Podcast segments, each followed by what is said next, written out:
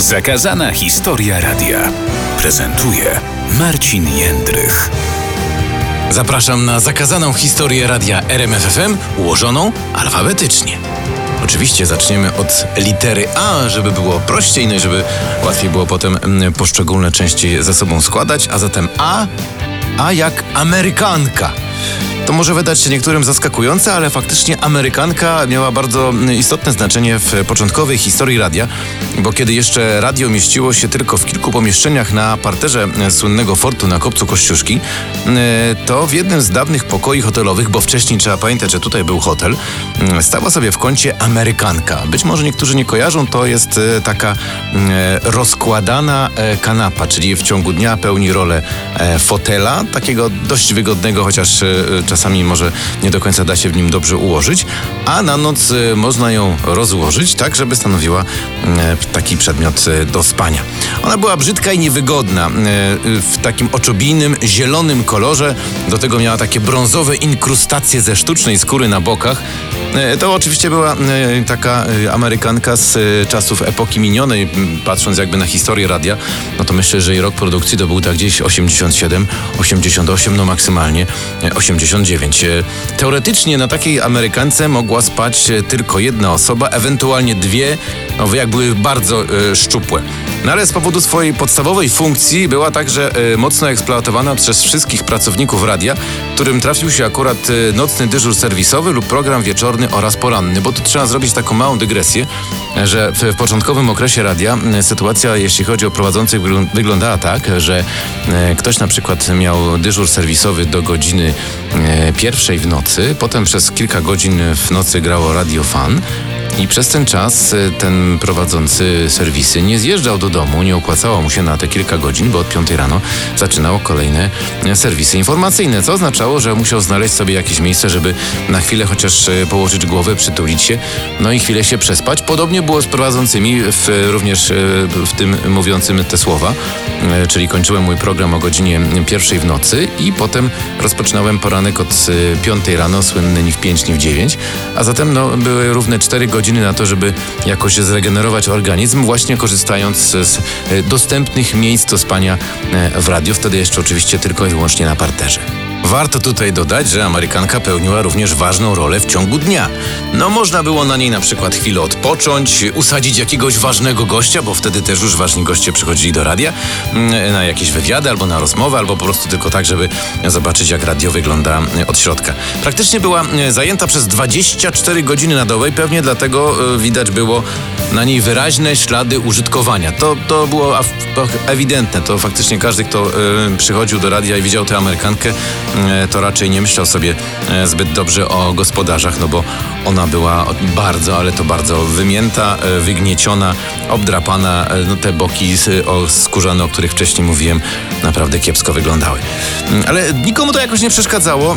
Co więcej, właśnie wtedy powstało słynne radiowe powiedzenie mm, Oj, Amerykanko, gdybyś ty mówić umiała. Dlaczego ono powstało? No bo jak łatwo się domyślić, każdy bardzo chciał poznać choć niewielki procent historii i wydarzeń, jakie odbywały się w jej obecności lub z jej użyciem. No bo można się domyślać, że jakby ten przedmiot y, służący do spania powodował, że ten czas relaksu, który niektórzy sobie fundowali, mógł wyglądać czasem troszkę inaczej. Oczywiście nie liczcie na to, że cokolwiek więcej tutaj w tej sprawie powiem, no bo to y, właściwie była i, tylko i wyłącznie y, rola Amerykanki. No i potem po kilku latach, kiedy szykował się remont parterowej części radia, ta obskurna Amerykanka została gdzieś cichcem wyniesiona i ślad po niej zaginął.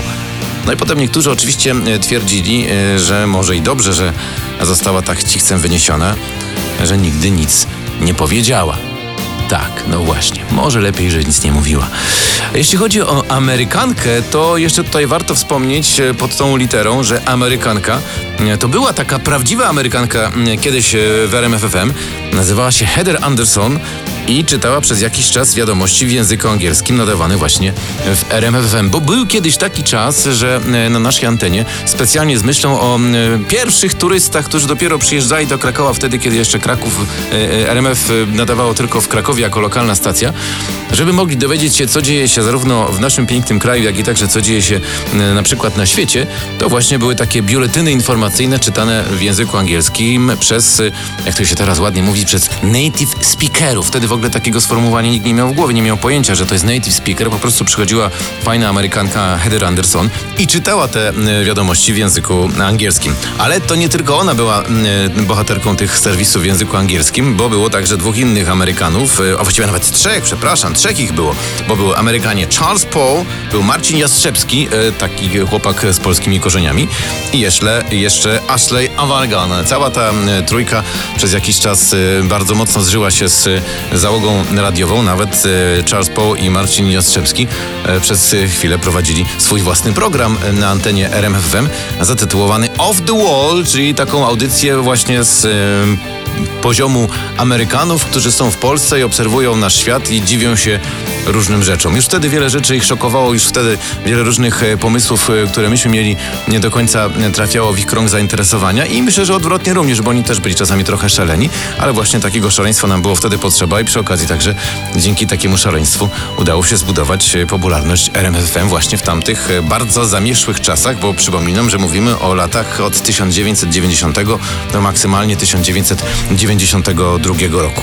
A już tak mówiąc bardzo ogólnie, jeśli chodzi o Amerykę, no to mm, w radio przez dłuższy czas i chyba nawet do dzisiaj stało na amerykańskich produktach. E, Początkowo właściwie wszystko to, co mm, służyło do emisji, to, co nadawało się do no, no, normalnej radiowej pracy, właśnie było mm, z naklejką Made in USA. Tak, wtedy też taka naklejka była bardzo popularna, teraz chyba to już trochę inaczej wygląda, ale te najfajniejsze radiowe patenty, te najfajniejsze radiowe urządzenia, które służyły zarówno do nadawania, jak i do mm, przygotowywania programów, no właśnie pochodziły z Ameryki, czyli ze Stanów e, Zjednoczonych. Nie było to łatwe, żeby je tutaj sprowadzić, bo cło, bo różnego rodzaju problemy z kurierami, z dostawą. Amerykanie nie wiedzieli do kogo, po co i dlaczego, po co jakiemuś e, małemu radyjku w e, Polsce tak bardzo zaawansowany sprzęt radiowy, do czego im to wszystko będzie służyć. A nam to służyło do pracy i dzięki temu też mieliśmy znacznie większy komfort i e, dużo frajdy, korzystając właśnie z różnych amerykańskich e, sprzętów, które na naszej,